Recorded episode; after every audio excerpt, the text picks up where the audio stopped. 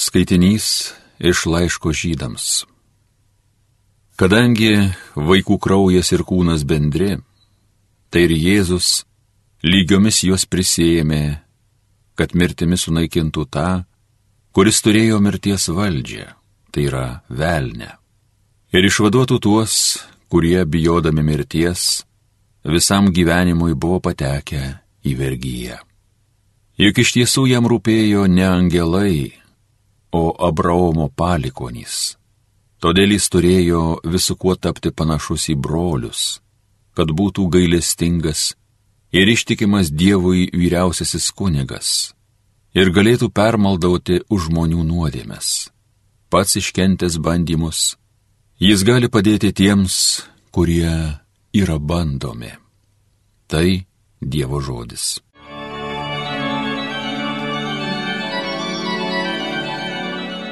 Amžiais atsimena viešpats sandorą savo.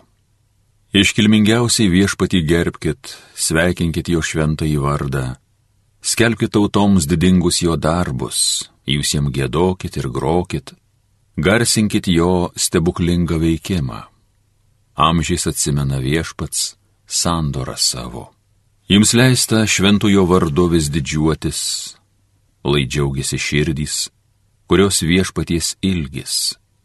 Žvelkite į viešpatį, į jo galybę, jo veidą, išvysti vis trokškit. Amžiais atsimena viešpats, sandorą savo.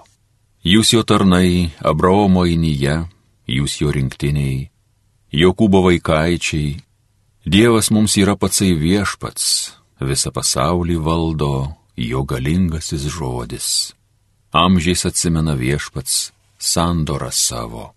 Amžiais jis atsimena sandorą savo, pažadą duotą kartoms tūkstantinėms, sutartį su Abraomu sudarytą, priesaiką duotą kilniam Izaokui. Amžiais atsimena viešpats sandorą savo. Alleluja.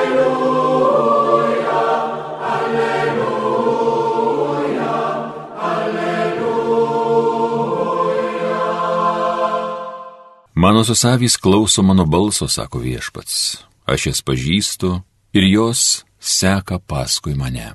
Alleluja, alleluja, alleluja.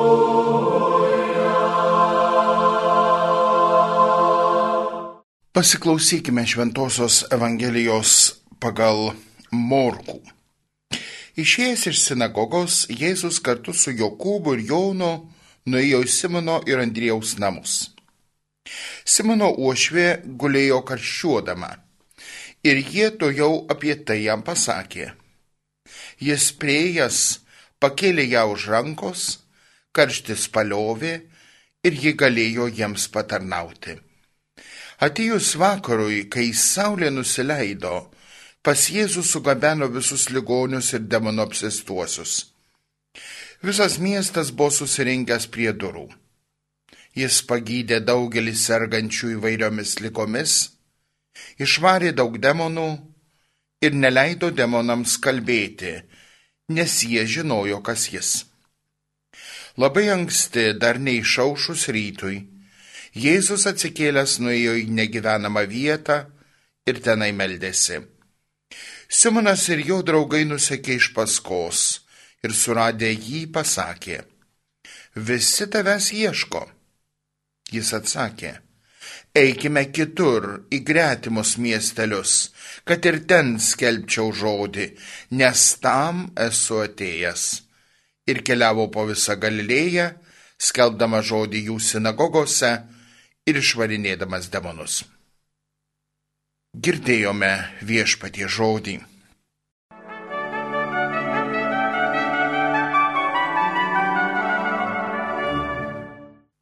Mėly Marijos radio klausytojai, pradedam jau pirmadienį, pradėjom eilinį metų laiką, tai reiškia sugrįžtam prie apmąstymo visų tų dalykų, kuriuos Jėzus darė, veikė, kalbėjo, meldėsi, taip pat gydė ir visa kita. Grįžtam prie paprasto Jėzaus gyvenimo. Ir štai vienas iš pirmųjų stebuklų, kuriuos aprašo evangelistas Morkus, tai Kafarnamo miestelėje gyvenusių dviejų brolių Petro arba prieš tai buvusios Simono ir Andriejaus namai.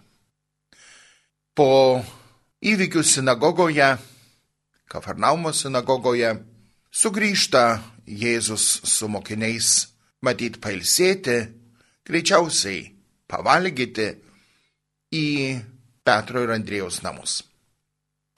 Ir štai vienas nedidelis trūkumas. Gal Petro žmona buvo išvykus, gal kažkuo kitu buvo užsiemus, o štai uošvė guli lovoje ir serga. Jėzui yra pristatoma šita situacija. Arba reikės mums patiems gamintis valgy, arba kažką čia su ta uošve galim padaryti. Ir Jėzui matyt nereikia ilgai galvoti.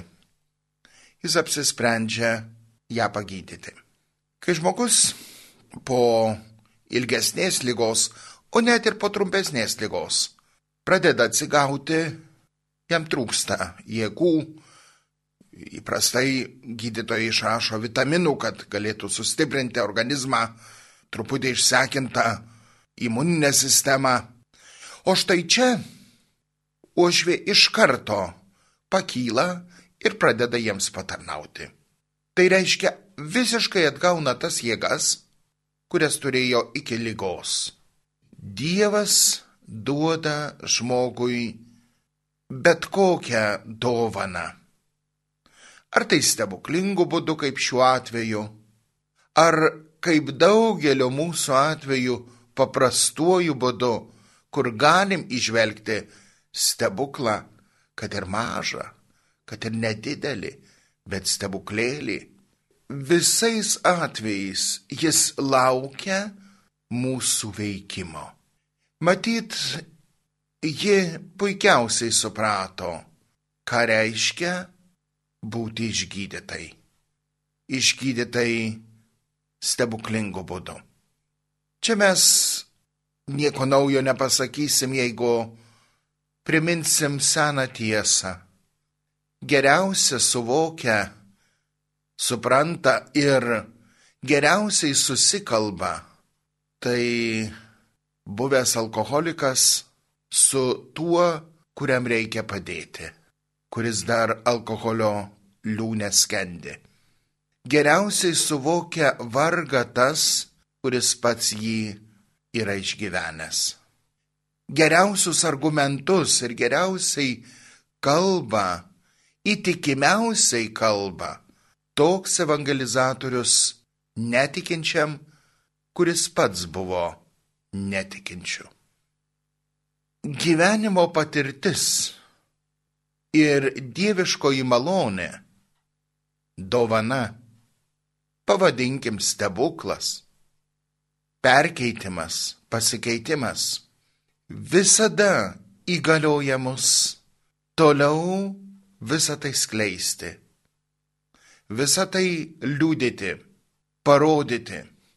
Ne, uošvė neišėjo į gatvę ar į tą pačią sinagogą ir nepradėjo rėkauti ir šūkauti, kad Jėzus mane išgydė, bet ji ėmėsi tų pačių darbų, kuriuos veikė prieš lygą.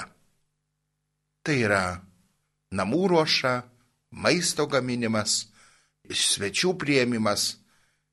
Broliai ir seserys, Jėzus taip trokšta, kad mums dovanodamas gautų atlygį.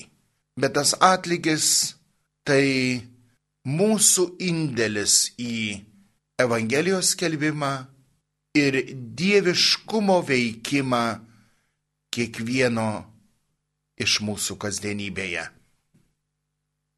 Nenuslėpkim dieviškų dovanų.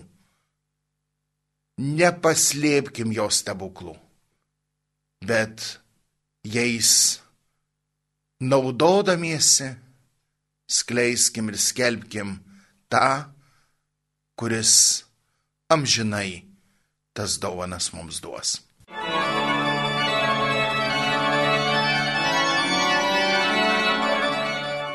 Homilija sakė kunigas Arūnas Kesilis.